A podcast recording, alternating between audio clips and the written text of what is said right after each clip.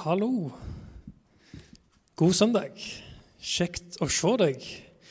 Det var fullt på parkeringsplassen, og det var fullt her, så de måtte sette ut ekstra stoler. Men nå var det litt sånn eh, Ikke blissent, men det var noen ledige stoler etter at den flotte skaren av unger gikk til sitt.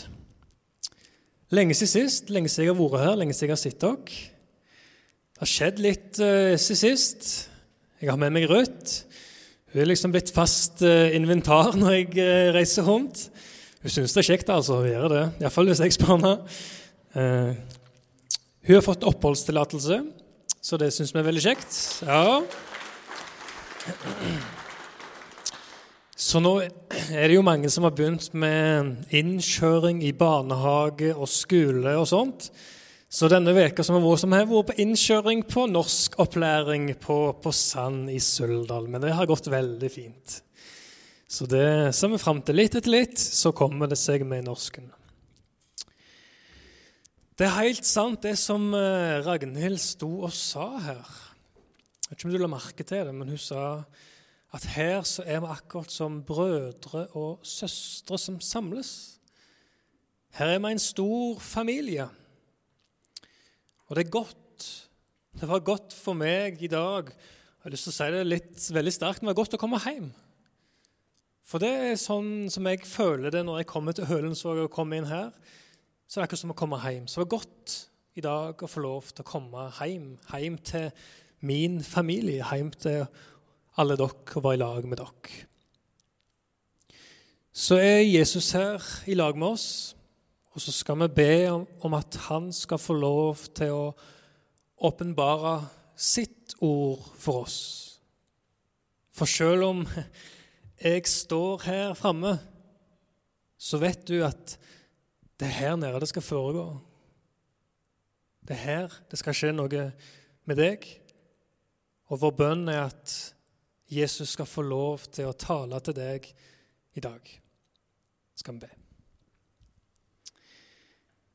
Takk, Jesus, for at du er her i lag med oss. Takk, Jesus, for at vi skal få lov til å samles som brødre og søstre, som en åndelig familie, og der to eller tre eller flere er samla om ditt ord, der har du lovt at du vil være midt iblant oss. Så ser du oss, du ser den enkelte av oss, og vi ber Jesus om ei nådetid i lag med deg. Vi ber om ord ifra din munn, ifra ditt hjerte, et levende ord som er kraftigere enn noe tvega sverd, som kløyver sjel og merg og bein og dømmer hjertets og sinnets tanker. Jesus vi ønsker å sette oss ved dine føtter og lytte til det som du har å si oss. Amen.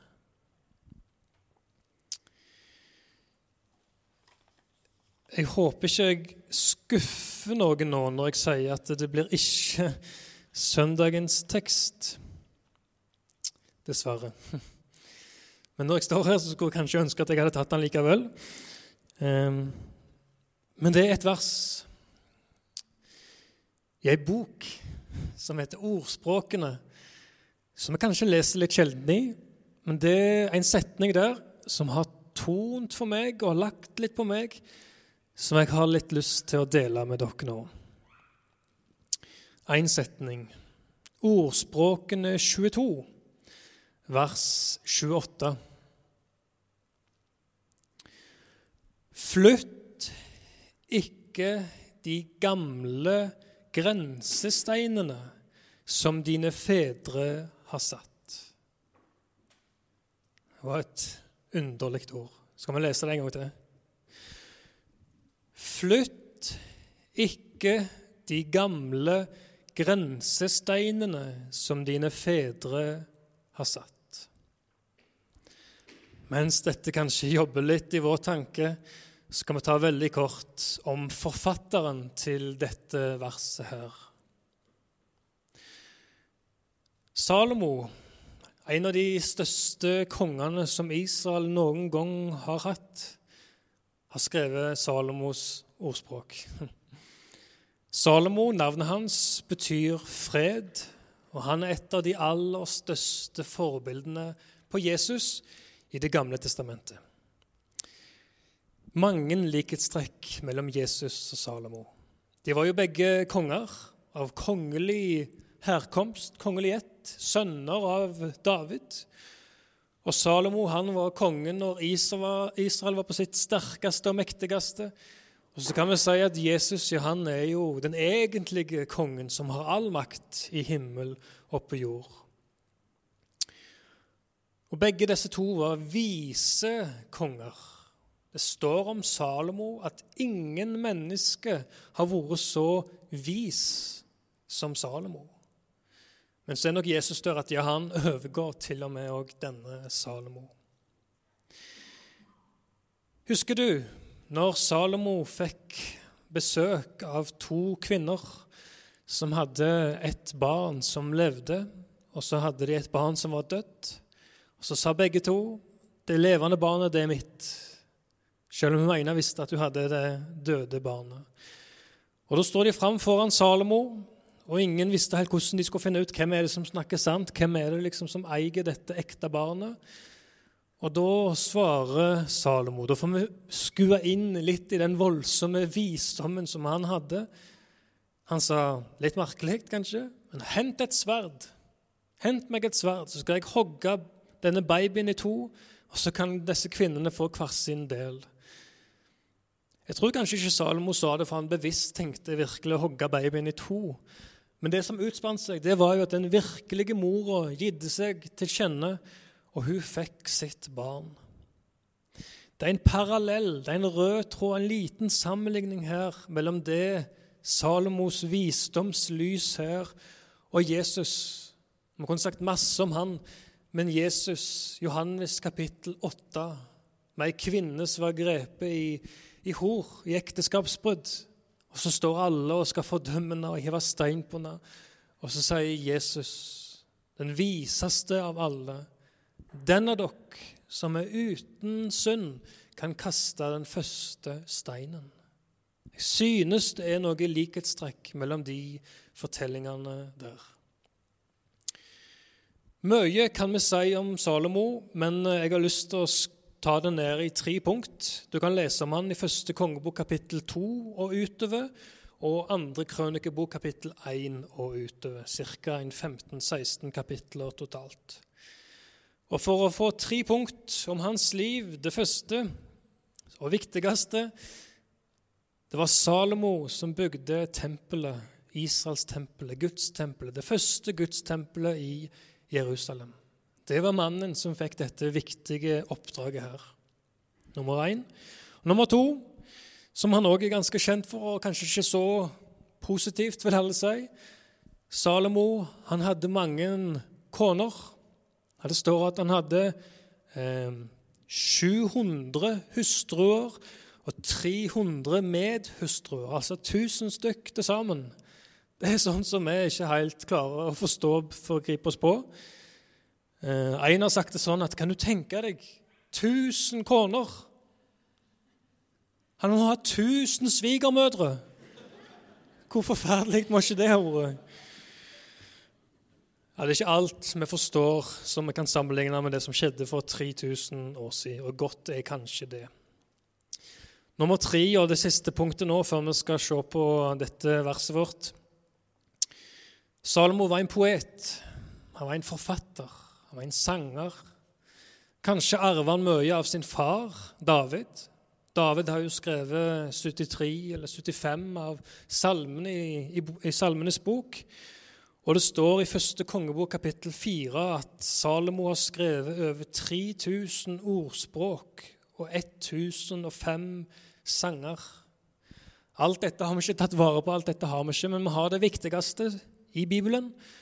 Og det er to salmer i Salmenes bok. Det er Salme 72, en flott salme skrevet av Salomo, og Salme 127, som også er skrevet av Salomo. I tillegg så er han jo aller mest kjent for å skrive tre bøker. 'Forkynneren', eh, 'Høysangen', sangen, 'Sangenes sang' er høysangen. Sangen om Jesus. som mange ikke helt klarer å forstå. Eh, og òg ordspråkene, da, som vi har lest litt ifra. Og den sistnevnte her, som eh, Luther, Martin Luther lovpriste sterkt Salomos ordspråk, og han skal ha sagt Gi ordspråkene, Salomos ordspråk, ordspråk til de unge tidlig, og be de unge om å bruke den og flittig lese den hver eneste dag. Så er du her, du som er ung og føler deg ung, så har du oppfordring fra Luther. Les Salomos ordspråk. Og Hvis du har både tid og lyst, ja, gjerne òg hver eneste dag, sier han. Det er kanskje ei bok som går litt under radaren for oss, som er litt vanskelig å gripe inn i. Men så er det en mengde med enkeltvers og setninger som er veldig godt, som er levende og mat for vår sjel. Husker du verset som vi leste? Ordspråkene 22, vers 28.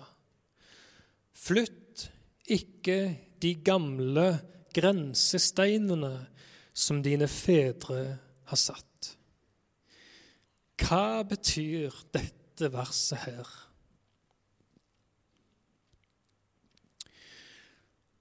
Landet Israel, helt konkret, var delt i tolv.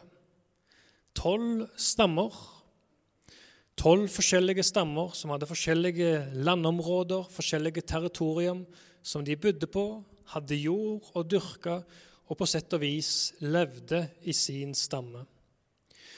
Og ved hver grense, fra den ene stammen til den andre stammen, så var det forskjellige grensesteiner. De måtte jo vite hvor langt kan mitt område gå?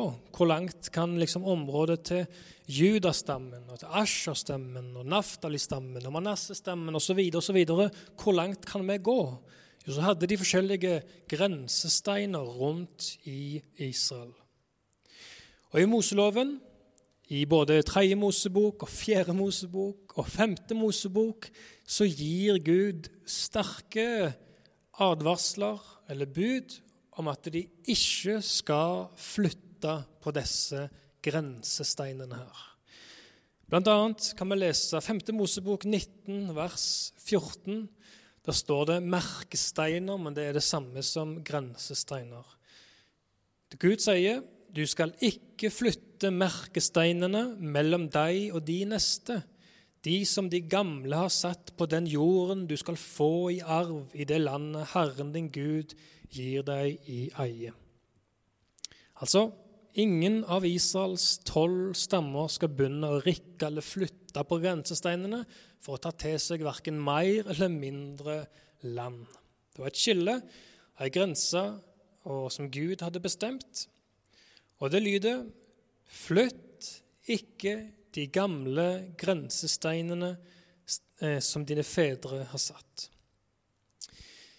I profeten Hosea så står det om noen som har prøvd å flytte på disse grensesteinene. Og det får ganske så dramatiske konsekvenser. Skal vi ta det med òg? Hosea 5, vers 10. Der sier Gud Judas fyrster er blitt lik de som flytter grensesteiner. Over dem vil jeg utøse min harme som vann. Så det var altså alvorlig. De som prøvde å rikke ved grensesteinene. Da ble Gud vred. Han ble harm, og han hadde lyst til å utøse sin harme og sin vrede over de som gjorde det. Skal vi igjen gjenta dette ordet her? Flytt ikke de gamle grensesteinene som dine fedre har satt. Og jeg er den nysgjerrige typen. Jeg skulle likt å visst hvor din tanke var akkurat nå. Hva slags tanker har du gitt deg når du har hørt dette ordet? Vi som befinner oss her inne, vi som er i Ølensvåg, vi som lever i Norge, i dette landet, i denne verden, i 2023, har meg og deg noen grensesteiner som vi skal forholde oss til. Og Jeg tenker ikke på fysiske grensesteiner som kommunegrenser eller fylkesgrenser. Det er det andre folk som driver med. Og Jeg tenker ikke på fysiske grenser som deler tomta di eller hagen din med naboen sin hage. Du skal få lov til å være ganske rolig for akkurat den delen òg. Men har vi, eller jeg tror vi har, noen andre typer grensesteiner, noen åndelige grensesteiner, som vi som tror på Jesus, skal få lov til å forholde oss til. Israel de fikk Det var deres fedre som hadde satt grensesteinene til de forskjellige stammene. Og våre åndelige fedre profetene i Det gamle testamentet og apostlene på Jesu tid, de som har skrevet Det nye testamentet, de har overrakt oss en åndelig grensestein. Og det er denne boka her. Bibelen. Den kan du si, den kan vi si er vår åndelige grensestein, der Gud har gitt oss det som er rett, og det som er rett galt. Og denne boka den er stadig under angrep. Det er ikke bare at hun var under angrep i, i starten, at folk sådde tvil. Og kanskje sjeldnere har vi sett, som i vår tid, at den er under et ekstremt angrep i verden i dag. Og Jesus han sier sjøl om denne boka Himmel og jord skal forgå, men mine ord står fast til evig tid. Så denne boka her, den teller fortsatt. Det er ikke noe som er glemt, det er ikke noe vi skal forlegge, men den teller fortsatt.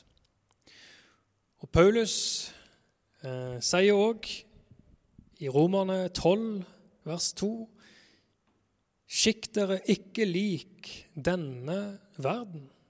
For Bibelen setter nemlig et skille mellom Guds rike og verdens rike. Og et vers som er ganske alvorlig. Det står òg i eh, første eh, Johannes brev, kapittel 2, vers 15 til vers 17. Der skriver Paulus, nei, unnskyld, Johannes noe som jeg tror at vi som bor i et verdens rikeste land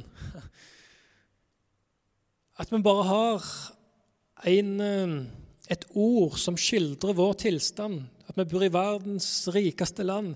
Allerede der bør gi oss noen ting å tenke på. Men Johannes skriver det så.: Elsk ikke verden, heller ikke de ting som er i verden. Om noen elsker verden, da er ikke Faderens kjærlighet i Han. For alt som er i verden, kjødets lyst og øynenes lyst og hovmodig skryt av det en er og har, er ikke av verden. Eh, er ikke av Faderen, men av verden. Og verden forgår og dens lyst, men den som gjør Guds vilje, blir til evig tid. Jeg tror det finnes tre bedragere som går rundt og prøver å flytte på disse grensesteinene, våre åndelige grensesteiner. Det er djevelen, som frister. Det er verden, som òg legger sin snare og vil oppta oss.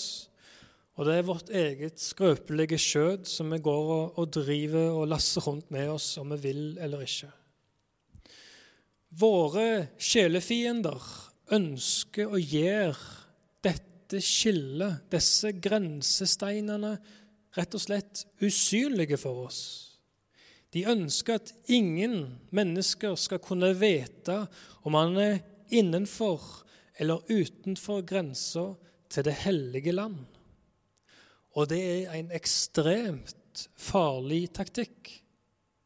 For hvis han oppnår det, at et menneske ikke vet om han er frelst, om han har fred med Gud eller ikke, så kan jo det rett og slett føre til at mennesket går fortapt. La ikke verden der ute, eller det gamle mennesket inni deg, få lov til å flytte de gamle grensesteinene. Det er ikke meg og deg eller politikere eller prester eller andre som skal sette Guds grenser. Men Gud har allerede satt de fast i sitt hellige ord. Og uansett hvor mange falske grenser som må komme opp i denne verden, eller i mine egne tanker, så står Gud sine grenser fortsatt fast. Hvis det nå så har seg at jeg eller noen prøver å flytte på grensesteinene som er satt, så vil han jo da enten flytte de innover eller utover. Du er med på det? kan flytte de innover eller utover. Hvis vi flytter de innover, så vil jeg si at han gjør det kanskje strengere. Han legger til menneskebud som Gud ikke har sagt i sitt ord. Et eksempel på det er kanskje fariseerne som levde på Jesu tid. Der var det 600 og et eller annet menneskebud i tillegg som de hadde til loven. Og et av de, ja, Dette var litt flaut, men et av de, det var at på søndagen eller på sabbaten så kunne et menneske ikke bære gifteringen. Nå står jeg uten giftering. Det er ikke fordi det er søndag, det er fordi jeg glemte å ta den på i dag. Men det var sett på som arbeid blant fariserene å gå med gifteringen eh, på sabbaten. Og Det står ingenting om Bibelen i det, men det var sett på et menneskebud som de la ekstra på loven. Det vil si, de har flytta Guds bud, flytta grensesteinene innover. Den store faren, kanskje den største realiteten i vår tid og vårt samfunn Jeg tror kanskje ikke det er at grensesteinene blir flytta innover, selv om vi alltid skal være obs og passe oss for det. Men jeg tror vi kan se tydelig at grensesteinene blir flytta i dag utover utover Bibelens ord og djupt, djupt inn i denne verden. Når et menneske heller bøyer seg for verdens ord istedenfor Bibelens ord og Guds ord, da har grensesteinene til dette mennesket blitt flytta på. Og det, er, det sier Bibelen er alvorlig. Det er interessant å lese Bibelen. Det er ei levende bok. Og Salomo, som vi har hatt litt om, han skriver det finnes intet nytt under solen. Alt er liksom Jeg skal ikke si alt er en repetisjon, men for Gud så er det ingenting nytt. Og det er interessant å se og lese om de gangene i Israel, i Det gamle testamentet, det gikk på huet og holdt på å si på ræva gale for dem. Det var åndelig frafall når de hadde ledere, når det var profeter og prester som flytta på grensesteinene. Da fulgte folket etter dem. Og det er Jeremias bok, den lengste boka i Bibelen. Det er ikke Salmenes bok, det er Jeremias bok. Ja, Salmene er lengst i kapitler, men ord for ord så tar det deg lengre tid å lese Jeremias bok enn Salmenes bok. Og den er full i dette her, med åndelig frafall. Og Jeremia 5, 31, så sier Gud Profetene profeterer løgn. Det var ikke det profetene skulle gjøre, men de profeterer løgn. Og prestene styrer etter deres råd. Og mitt folk vil gjerne ha det slik. Ja, de var fornøyd med det, med løgnen og med det som verden ville ha. Det gode og det flotte som profetene kunne skue fram og bringe fram. Esekiel han levde på, nesten på samme tid som Jeremia. Jeremia var profet i Jerusalem, men Esekiel ble tatt til fange i Babel og var profet for de bortførte der. Og Esekiel 22, 28 så sier han om profetene og prestene de skuer tomhet og spår, og spår dem løgn og sier så sier Herren, Herren, enda Herren ikke har talt. Ja, På Isekiels tid så fantes det åndelige ledere som sto fram og sa så sier Herren, så sier Guds ord. Men så var det ikke sant. De hadde flytta på grensesteinene utover. Og faren med dette her, det det at det er en mengde med mennesker, med grensemennesker, som liksom får en attest på at de har fred med Gud men så er de likevel ikke frelst. Og Jeremia sier jo òg, i denne sammenheng, Jeremia 8, 11, om disse falske profeter De leger mitt folks skade på lettferdig vis i det de sier fred, fred, og det er ingen fred. Alvorlig, og hvor Forferdelig er ikke dette?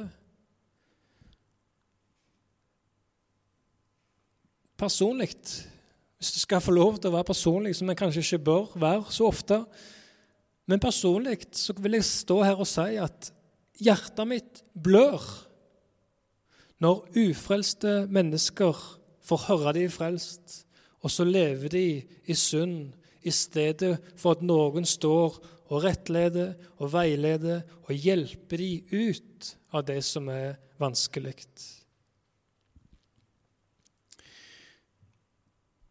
Paulus i møte med dette her. For dette her er ikke noe som vi bare finner i Det gamle testamentet med, med falske lærere og falske ord og falske profeter. Paulus møtte òg på det. På sin første misjonstur, på sitt første stoppested på Kypros i byen Paffus, så møtte han en falsk jøde, en falsk profet. Elimas, trollmannen ved navn Bar Jesus, så du kan lese i Apostelens gjerninger 13. Og Paulus, når han hører om villfarelse og såkalte åndelige ledere som stiller seg fram og driver vill, så er ikke han som sitter nede i benkeraden og ikke tør å si ifra. Men hjertet hans, jeg tror det blødde for alle disse her som måtte lytte til villfarelse. Han sier til denne falske profeten, Apostelens gjerninger 1310, Du som er full av all svik og alt bedrag, du djevelens barn, fiende av all rettferdighet skal du aldri holde opp med å forvrenge Herrens rette veier. Døyperen Johannes, som ble sendt, forløperen til Jesus, som står der i Markus, han skulle rope ut og gjør Herrens stier rette. Og så er altså bare Jesus, trollmannen, den falske profet, en av de som lager krokveier og eh, forvrenger Herrens rette veier. Alvorlige ord fra Paulus her. Så den første fare ved å flytte grensesteiner ut i verden, det er altså at ufrelste de får en attest på lev som du vil. Det går deg fint. Du har fred med Gud, men så er det ingen fred.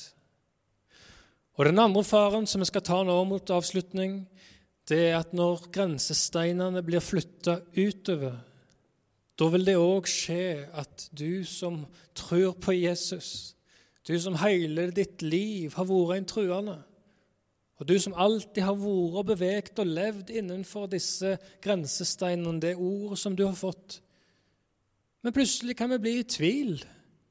Plutselig kan vi begynne å tvile. Er det noe nytt som har kommet nå? Vi som alltid har opplært og levd der i dette kristen moral og etikk. Og så plutselig nå er det åndelige ledere og hyrder som sier at nei, det har vi egentlig forlatt, og nå er det noe nytt som gjelder. Det er noe nytt som kommer nå, Preben. Nå kan vi, vi trenger ikke leve dette gamle. Vi må leve etter det, det nye nå, for så sier disse Det er kommet noe nytt nå som vi kan leve etter. En utrolig fare. Og hvor lett er det ikke for oss, hvor lett er det ikke for meg å bli dratt med i dette virvaret, dette magesuget? Av og til kan en føle seg som en eh, gjenstand av metall som bare blir ført mot en magnet. Det er da det er så bra for deg og meg at vi har Guds ord, at vi har Bibelen, at vi har Jesus som sier Himmel og jord skal forgå, men mine ord står fast til evig tid. Og hør hva Johannes skriver i sitt første brev. 1. Johannes 2, 24. 24. For der, i Lille Asia, i menighetene der, det var så mye nytt. Det var så mange nye tanker. Det var så mange andre ting vi kunne begynne å gjøre. Skal vi begynne å gjøre dette her, Johannes? Er det greit at vi begynner å gjøre dette her? Hva synes du, Johannes? Det er så mye nytt, er så mye nye syn, så mye nye tanker. Og så sier Johannes til deg òg i dag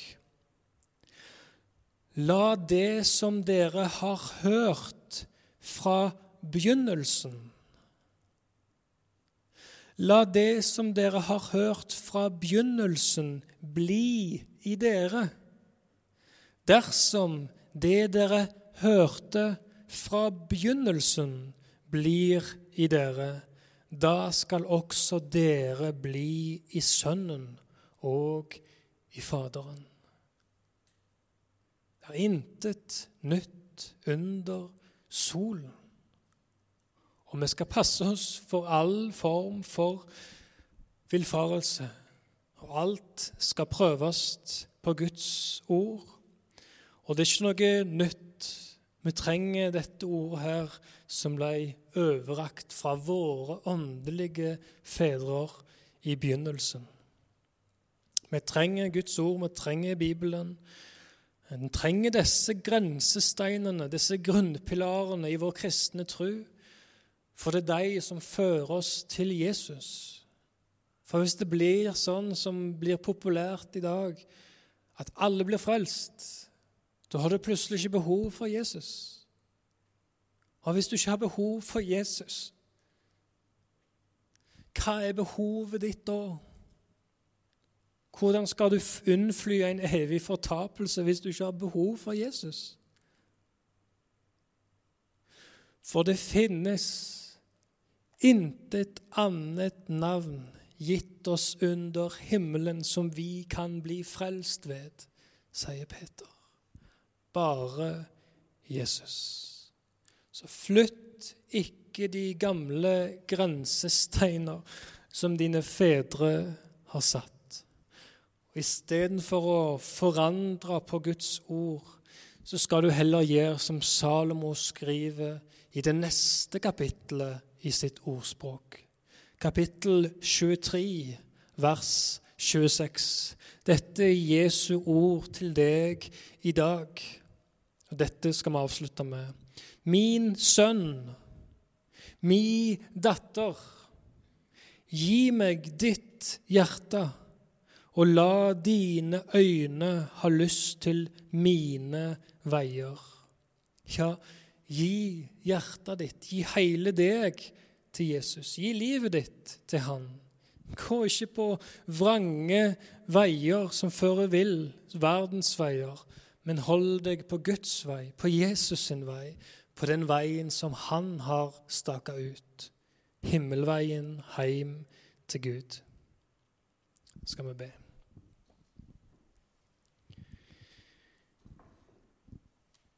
Jesus, vi takker deg for Golgata. Vi takker deg for ordet ditt. Vi takker deg for at du har dødd for alle våre synder. Og ikke bare våre synder, men du har dødd for alle menneskers synder. Alle som kommer til deg, vil du ta imot. Du vil tilgi, og du vil føre oss hjem. Det finnes ikke frelse i noe annet navn enn i deg, Jesus. Og vi ber i ei tid som kan være vanskelig, som kan være utfordrende, der det kan være både krevende og tøft å stå for ditt ord, så ber vi om frimodighet og styrke, at vi kan hente kraft hos deg, Jesus, at du kan gi oss frimodighet. Ta vekk, ta vekk menneskefrykten vår og gi oss mer av din gudsfrykt, Jesus. Vi ønsker ikke å flytte på grensesteiner, vi ønsker ikke å flytte på ordet ditt, på det som du har gitt oss, men vi ønsker å leve sammen med deg under ditt kors og i lag med deg, Jesus.